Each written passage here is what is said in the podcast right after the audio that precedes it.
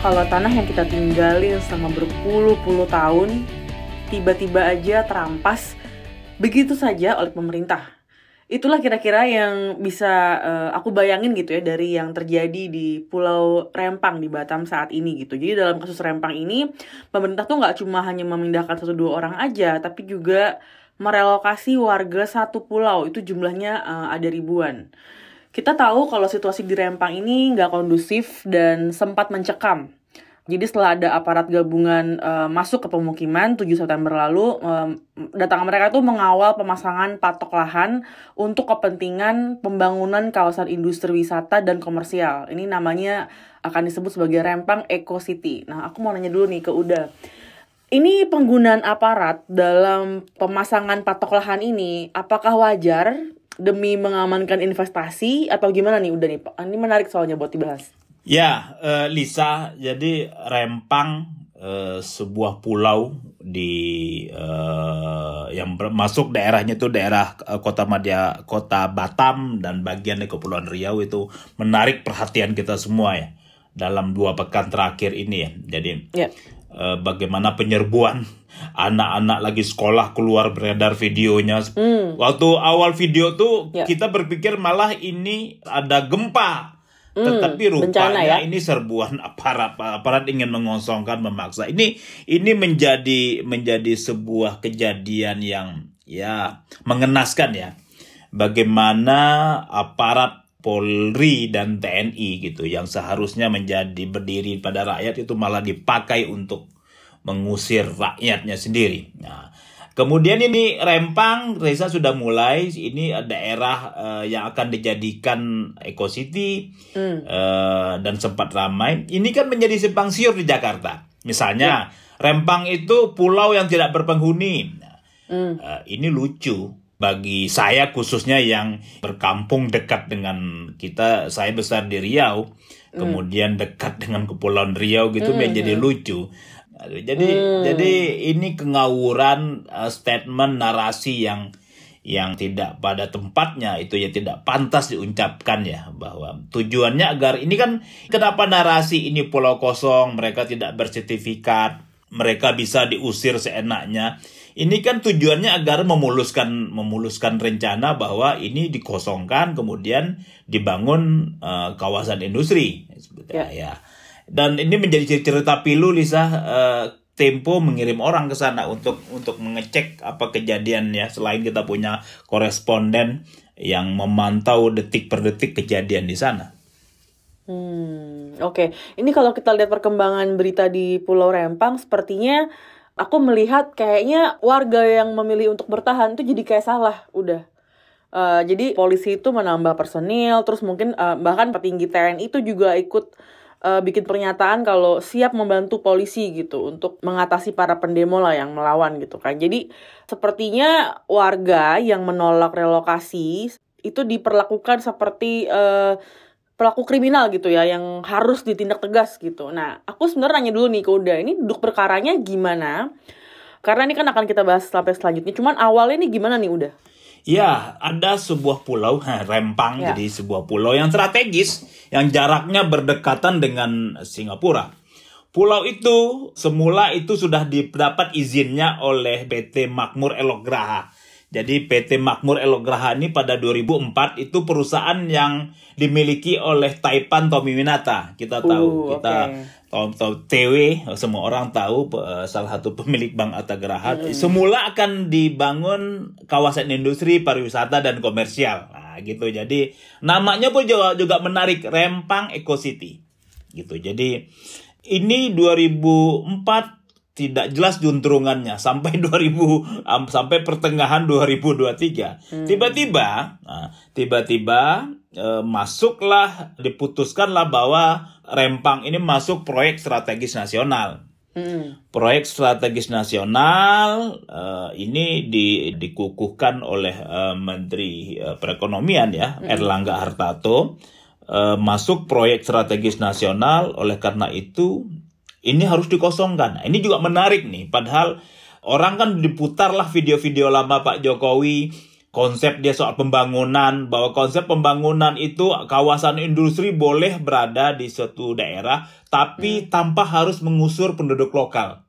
Kan begitu kan? Dalam konsep awalnya Rempang Eco City ini juga rencananya itu akan dibangun sebuah kawasan yang tetap membiarkan penduduk lokalnya yang sudah ratusan tahun di sana itu hmm. tetap boleh bertahan.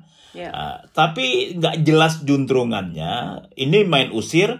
Tiba-tiba seluruh pihak itu seolah-olah ingin mengambil tempat, mengambil posisi bahwa kami siap menggunakan segala uh, sumber daya untuk mengosongkan Rempang. Panglima TNI malah sempat akan berjanji kalau mereka seribu kita kirim seribu. Kita hmm. piting dan lain-lain. Ini kan menjadi, aduh, ini ini penduduk sipil loh pak hmm. Imbok ya perang itu dengan orang lain gitu jangan dengan rakyat sendiri gitu jadi ini yang menjadi dilema penggunaan kekuatan kekuatan yang berlebihan untuk mengusir rakyat sendiri nah, ini ini yang terjadi kan jadi ini ini yang mendapat penolakan ya, ya. ada demo besar-besaran karena mereka melawan. Nah, ini jangan-jangan ya. perlawan ini di luar ekspektasi orang juga mungkin karena penduduknya sedikit, tapi kita harus tahu loh ini ini apa di sana banyak orang Melayu, orang Melayu kita tahu. Melayu itu pada suatu masa mereka itu orang yang sangat cinta dengan kampung halamannya. Mm. Nah, dan dan ini yang mungkin mematik ya mendorong perlawanan dan Jakarta uh, ya belakangan kita tahu dalam liputan operasi ini bukan ujuk-ujuk muncul di sana, operasi mm. pengosongan lain-lain ini itu remote-nya dari Jakarta. Begitu Lisa. Remote dari Jakarta. Oke. Okay. Tapi kalau menurut penelusuran Tempo nih udah uh, aku mau nanya dulu soal warga yang selama ini tinggal di sana, apakah mereka tinggal secara ilegal? Uh, karena nih kayaknya kok baru hebohnya tuh sekarang gitu kan. Dan sebenarnya siapa yang paling diuntungkan dari kejadian kemarin udah? Iya, dokumen-dokumen sejarah menunjukkan uh, bahwa mereka sudah di Pulau Rempang itu sudah ratusan tahun orang tinggal. Ada prasasti dan lain-lain. Hmm. Kemudian liputan Tempo juga sejak 78 itu. Majalah Tempo terbit 71 loh Lisa. Yeah. 78 membuat sebuah tulisan bagaimana Pulau Rempang itu menjadi objek wisata para pelancong dari Jepang untuk wisata religi. Oh, ya, okay. artinya ini sudah lama. Toh okay. kalau sertifikat yang ditanyakan nggak usah jauh-jauh lah pergi kita ke Banten masih banyak orang orang sana yang tidak punya sertifikat tanah. Terus apakah yeah. mereka penduduk liar? Yeah. Apakah mereka warga ilegal? Ya enggak hmm. dong. Kemudian ini juga menjadi aneh program Pak Jokowi bagi-bagi sertifikat. Kenapa tidak dibagi sertifikatnya kalau dulu adalah memberi keleluasaan masyarakat warga ya. negara yeah. untuk menguasai tanah yang sudah sudah ratusan tahun mereka kuasai gitu loh. Jadi jadi alasan-alasan yang dibuat, alas-alasan yang yang tanpa dasar dan menjadi menjadi kelucuan aja gitu bahwa ini motifnya memang di sana akan dibangun proyek besar dan dan kemudian karena itu eh, rakyat harus dipinggirkan. Nah, persoalannya rakyat tidak mau dipinggirkan mereka ingin mempertahankan haknya kan istilahnya yeah. kami harus melawan sebaik-baiknya dan sehormat-hormatnya begitu kan hmm. Nah, hmm. ini ini yang ini dilema ini yang terjadi dan ini tidak ketemu jalan tengahnya hmm. kemudian pertanyaannya boleh ini kan luas sekali tuh pulau lumayan lah bangun yeah. aja kenapa dibiarkan saja yang seribu itu tinggal di sana pekerjakan mereka ini kan yang yang cita-cita dan konsep pembangunan Pak Jokowi kan itu Ya. Kenapa malah di ujung uh, pemerintahan, di ujung Diusir. masa berkuasanya Pak Jokowi malah berbalik arah, main kosongkan pulau itu dikosongkan.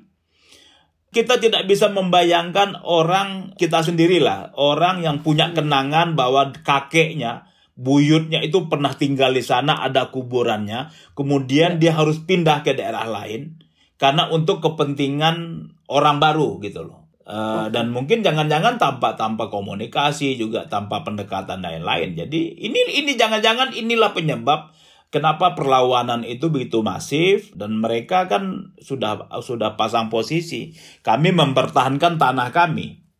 Gitu. Hmm, oke. Okay. Kalau aku ini lagi udah ini kan tadi aku nanya nih sebenarnya siapa yang paling diuntungkan nih udah dengan adanya kejadian ini gitu dan ini kan kayaknya baru hebohnya tuh sekarang gitu. Ya, yang paling diuntungkan ya susah kita yang paling diuntungkan ya. Yang jelas yang paling dirugikan warga Rempang itu mereka terancam. Yang paling diuntungkan jelas siapa nanti yang dapat masuk bisa masuk ke sana. Bisa juga ada perusahaan dari apa ada ada Makmur Elok Raha yang sudah dapat izin 2004 tapi tidak diapa-apain sekarang ketika mungkin seharusnya ini 2004 20 tahun loh ini.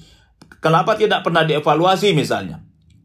Bagaimana regulasinya? Kemudian kan ini menjadi menarik karena ada sebuah perusahaan dari uh, Chengdu Cina, Sinyi ya, bacanya Sinyi ya, uh, yang akan membangun pabrik kaca, pabrik kaca dan uh, solar panel di sana. Hmm. Oh, Oke, okay. jadi bagaimana karpet merah untuk investor Cina yang yang menggandeng Arta Geraha, kemudian rakyatnya dipinggirkan. Ini kan basis-basis kritiknya orang-orang Rempang dan seluruh warga Riau, eh, Kepulauan Riau ya, suku Melayu itu kan ini sebetulnya. Kami tidak menolak investor masuk, silakan saja, tapi jangan pinggirkan kami. Kan begitu kan uh, narasi hmm. mereka kan. Ini kan luas, lahannya luas. Bangun, kembangkan daerah, libatkan kami, biarkan kami berpartisipasi, jangan pisahkan kami dari tanah leluhur kami, kampung halaman kami. Kan itu, itu kan yang menjadi basis penolakan dan perjuangan yang selalu mengemuka ya dalam berbagai kesempatan di pemberitaan, hmm. di media sosial dan lain-lain. Oke. Okay. Ini udah uh, kayaknya dalam proyek ini kan udah sempat bilang ada keterlibatan Tommy Winata gitu ya. Apakah Tempo juga mengkonfirmasi ke pihaknya Pak Tommy Winata atau gimana udah? ya jelas lah karena karena ini yang perusahaan Makmur Elok Graha PT Makmur Elok Graha yang mendapat konsesi itu sejak 2024 itu perusahaannya uh, Pak Tommy Winata. Dan dia menjadi salah satu tertuduh nih kan di sini. Tentu dalam proses jurnalistik agar ada uh, aspek keberimbangan uh, kita uh, mengejar lah dalam konteks kita harus mendapat wawancara. Dan kami mendapat wawancara dapat wawancara uh, tiga hari sebelum deadline. Tommy Winatanya sehari sebelumnya baru dari Belanda.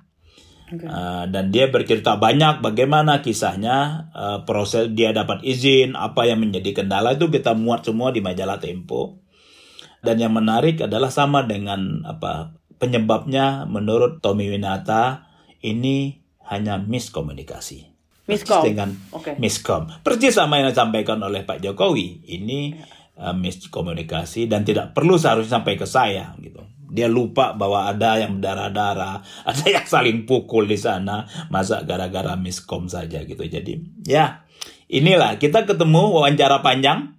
Yeah. Kita punya hubungan yang cukup panjang juga dengan uh, uh, Pak Tommy Winata ini naik turun ya ya ya alhamdulillah lah ya kita bisa dapat ya wawancara panjang dan rasanya Tempo menjadi media yang pertama bisa wawancara dia dan wawancaranya cukup menarik Lisa. Ya. Empat ya. halaman muncul di rubrik wawancara majalah Tempo edisi pekan ini. Kisi-kisi dong udah dia ngomong apa aja biar orang-orang pada beli gitu. Dia menjelaskan, menjelaskan bahwa ya kita sebagai investor uh, ya kita taat azas prosedur Kemudian kita tanyakan bahwa akan dibangun pusat perjudian segala macam. Ini kan dekat dengan Singapura. Ya Pak Tommy membantah semua uh, hmm. sesuai perizinan kan tidak kita akan membangun ini dan itu. Gitu. Jadi dia jelaskan semua bagaimana prosesnya, apa yang terjadi sepanjang uh, sejak 2004 sampai 2023 dia pertama kali dapat izin dan uh, uh, dia menjalankan semua aturan klaimnya kan. Tapi tentu kita cek nanti lagi. Uh, memang pada posisi ini Makmur Elograha perusahaannya Tominata ini relatif pasif ya. Karena ya. semua semua upaya-upaya pengosongan termasuk tadi pengusiran dalam tanda petik itu dilakukan oleh Badan Pengusahaan Kawasan Perdagangan Bebas dan Pelabuhan BP Batam yang diketuai oleh wali kota Batam Muhammad Rudi gitu. Jadi hmm. yang ah, ini yang menarik juga dalam liputan kita wawancara Rudi juga. jadi hmm. jadi dan Pak Rudinya menjawab kami menjalankan perintah Jakarta. jadi memang Tangan Jakarta di Rempang, Tangan Jakarta di Pulau Rempang itu menjadi judul yang tepat sekali untuk menggambarkan bahwa Ya. Kejadian ini tidak parsial, tidak ujuk-ujuk di daerah, tapi adalah sebuah proses yang sudah dirancang dari Jakarta. eh, eksekusinya Dan bukan miskom. bukan miskom lah ya. Sepanjang itu kok rapat-rapatnya kok miskom gitu loh. Ada rapat di Kementerian uh, Menko Perekonomian, ada rapat di menteri di Kementerian uh, Agraria. Kalau itu itu sia-sia sekali kalau hanya berantakan gara-gara miskom. Oke, udah aku mau nanya juga nih eh standnya Tempo ya soal persoalan ini gitu kan Karena di satu sisi tuh kita memang butuh investasi gitu Tapi di sisi lain ini ada kehidupan sejumlah warga yang jadinya harus dikorbankan nih Apalagi eh, ini ada embel-embel proyek strategis eh, nasional gitu Nah ini gimana Tempo melihat kasus ini udah? Ya, eh, sikap Tempo di dalam opini eh, yang terbit di majalah ini, eh, judulnya kan jelas main terjang di Pulau Rempang. Itu kita mengkritik bahwa dalam benak eh, penguasa, dalam pikiran Pak eh, Presiden Jokowi, investasi itu kita menduga hanya sampai di angka. Oke, ada kenaikan investasi sekian, apa pun yang terjadi. Dia melupakan kualitas investasinya. Kemudian dia melupakan apakah investasi itu bisa menyebabkan kerusakan lingkungan. Dia lupa abai itu. Kita kita curiga itu abai. Kemudian tidak masalah juga investasi itu merampas hak hidup orang banyak hak hidup untuk tetap bertahan di kampung halaman yang sudah dia dan keturunannya tinggali ratusan tahun itu tidak masalah. Ini ini ini yang yang kita tangkap ya. Karena apa pun ketika ada uang masuk kemudian dibungkus dengan proyek strategis nasional, semuanya bisa dilakukan. Nah, penguasa lupa tujuan investasi itu apa sih? Investasi itu masuk tujuannya adalah bagaimana masyarakat rakyat itu mendapatkan kemakmuran kesejahteraan. Tapi ini belum kemakmurannya belum dapat, kesejahteraan belum dapat, yang sudah di awal mereka terusir dari kampung halamannya. Inilah menjadi potret yang sekarang. Itu kita bisa lihatlah, eh, Lisa, bagaimana ketika cara pandang paradigma bahwa investasi itu hanya dipandang dalam tataran angka dan jumlah, ini yang terjadi dalam batu bara. Eh, komunitas batu bara, komunitas nikel, kita bisa lihatlah apakah yang didapat oleh kemakmuran masyarakat yang tinggal di daerah tambangnya enggak juga. Bagaimana lubang-lubang tambang berserakan dan banyak kan korban di Kalimantan gitu ya dan bagaimana uh, konflik uh, antara penduduk lokal dengan pekerja smelter di Morowali, di Konawe dalam urusan nikel. Jadi ada yang yang meleset lah ya dalam dalam bagaimana memandang investasi. Rempang berpotensi mengulang lagi sejarah itu sejarah bahwa investasi hanya manis di, di atas kertas, di angka, di publikasi, tetapi pahit di kalangan orang yang eh, mendapatkan dampaknya, impactnya. Ya paling gampang adalah orang-orang yang tergusur dari kampung halamannya untuk eh, sebuah proyek prestisius yang berbungkus proyek strategis nasional. Begitu Lisa. Oke. Eh, udah aku mau nanya juga. Ini kan pemerintah sempat bilang kalau ini eh, Rempang harus kosong pada 28 September sekarang ini bulan ini gitu. Ini apa yang akan terjadi udah kalau ini tuh jadi gagal? Misalnya nggak nggak kosong pada tanggal 28 September gitu. Apakah investasinya akan batal atau akan ada Aduh, aku sih ngeri ya ngebayangin kalau Enggak, ada yang iya. serangan-serangan lagi gitu. Gimana? Ini kan Jakarta pemerintah punya semuanya kok. Nggak usah menunggu sampai 28. Besok dia mau kosongkan bisa itu. Hmm. Tapi apakah itu targetnya?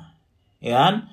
Itu kan Pulau Rempang itu pulau Lisa yang kalau pakai rumusnya Pak Panglima TNI dikirim seribu piting satu-satu tarik keluar keluar habis itu. Hmm. Tapi apakah itu gitu loh. Jadi dan apakah Ya. nanti itu akan mengganggu investasi? Ya enggak lah. Hmm. Ini eh, kalau melihat master plan-nya ini kan enggak bukan harus selesai bulan depan ini proyek. Hmm. Ini masih panjang apalagi kalau jadi dibangun pabrik kaca, pabrik solar panel. Hmm.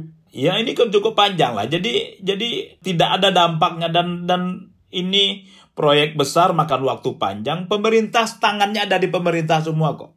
Tinggal tinggal berbicara dengan investor yang sudah tanda tangan misalnya. Kemudian bagaimana me memitigasi persoalan ini, Ya. melakukan dialog yang apa, masyarakatnya itu bukan menolak gitu, Ya. menciptakan situasi masyarakat, ayo investor datang dong ke kami, pekerjakan kami, itu yang Ya. seharusnya, bukan main usir gitu loh Lisa. Kita lihat ya Ada satu pendekatan lagi apa. pendekatan yang diambil. Kemudian bagaimana silang sengkarutnya uh, komunikasi. Ini ini juga memantik sejumlah kecurigaan. Karena apa? Karena uh, majalah Tempo sebelumnya pernah menulis uh, bagaimana rencana penjualan listrik bersih, listrik murah ke uh, Singapura. Ini kan pasar besar nih. Hmm. Uh, ya uh, di sana ad- ada sejumlah perusahaan yang dalam uh, tanda petik dalam tanda tanda kutip lah ini terafiliasi juga dengan para pengambil kebijakan lagi-lagi konflik of interest. Bagaimana benturan kepentingan sangat mungkin terjadi dalam Pulau Rempang ini. Jadi Ya, ini sederhana kok. Ini kenapa di sana akan dibangun pabrik kaca dan solar panel? Karena pasarnya besar di Singapura. Ini serupa dengan kenapa kemudian ekspor pasir laut dibuka lagi sejak ditutup tahun 2003 oleh oleh Ibu Megawati gitu misalnya. Karena Singapura butuh butuh pasir laut. Jadi jadi sudah jelas lah ini kepentingan bisnis. Dan siapa saja pelaku bisnisnya nah ini yang yang terus kami telusuri. Karena sudah bukan bukan nggak mungkin ini ada kosong-kosong saja juga gitu loh. Jadi ini menjadi tantangan lah ya menjadi menjadi pertaruhan lah ya. Apakah janji berkali-kali diucapkan bahwa investasi boleh masuk tapi investasi berkualitas, investasi yang masuk ke Indonesia, investasi yang tidak boleh meminggirkan penduduk lokal, warga asli eh, di satu tempat itu apakah bisa terpenuhi atau itu hanya pernah diucapkan dan tidak perlu dibayar lunas. Jadi janji-janji tinggal janji lah. Hmm. Udah, ini sebelum kita tutup, aku mau nanya nih, ini para kandidat calon presiden eh harusnya udah bisa mulai turun tangan atau mungkin komentar gitu udah ada yang ada yang udah mulai bersuara soal ini gitu menolak misalnya dengan tegas gitu ya ada nggak? Ya inilah kita ini sama aja kita berharap mengejar burung yang sedang terbang. karena apa? Karena karena kontestasi calon presiden, wakil presiden, copras capres ini ini lebih ke urusan eh, dagang sapi, eh, minim gagasan dan dan tidak ada ide. Kan ya ada satu juga yang bicara, tapi kan tidak tidak langsung memberi solusi. Misalnya kan kan keren nih. Pak Prabowo bilang kalau saya itu saya evaluasi kebijakan investasi misalnya. Ganjar pun bilang begitu. Anies memberi ide pembangunan yang baik ini adalah pembangunan yang tidak melepaskan hak dari warga lokal gitu kan. kan tapi ini masih jauh Ya. jauh panggang dari api ini ini ini kita berharap ya kita berkali-kali bilang bahwa eh, kontestasi politik ini jauh dari publik dan rempang adalah salah satu bukti nyata bahwa ini tidak menarik bagi mereka. Karena ya jangan-jangan karena ini punya ini proyek besarnya Pak Jokowi dan mereka butuh semua butuh endorser yang bernama Pak Jokowi gitu. Oke, ini intermezzo dikit ya udah ya. Aku mau tanya pendapat Tempo juga sih. Sebenarnya kan ini kata yang digunakan pemerintah tuh macam-macam ya. Ada penggusuran, ada penggeseran, ada relokasi. Ini sekarang ada pengosongan gitu. Bedanya apa sih udah istilah-istilah ini? Ya ini ini kebiasaan-kebiasaan kita sejak zaman Soeharto nih. Itu memanis-maniskan memaniskan sesuatu yang artinya sama aja gitu. Ah. Mau mau mau relokasi, mau penggusuran, mau pengosongan kan kan ini eufemisme aja ini. Ya. Yang jelas faktanya adalah memindahkan orang dari kampung halamannya gitu. Ya biasalah. Inilah kalau kalau kita lebih suka apa bermanis-manis padahal itu pahit. dan nanti ujungnya kan orang yang menjadi korban kan akan bingung. Ya. Ini istilahnya beda tapi perlakuannya sama. Iya, kirain ada perbedaan implikasi ke perbedaan. hak mereka gitu ya sebagai warga gitu. Tapi ternyata sama aja ya udah ya. Ini jangan-jangan mungkin mereka selagi menyiapkan uh, apa nih idiom baru nih, istilah baru nih untuk semakin halus. Ya. Memindahkan dengan hormat gitu oh, kali iya. jangan-jangan.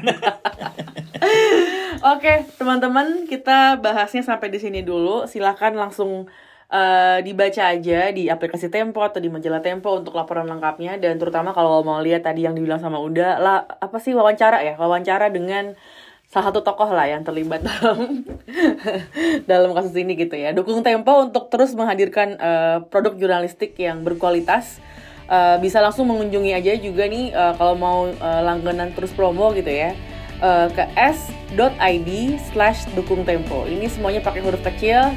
Uh, kalau mau lihat informasi lebih lengkapnya bisa dicek aja di deskripsi podcast. Lisa dan udah saya pamit dulu dan kita akan jumpa lagi minggu depan. Dadah!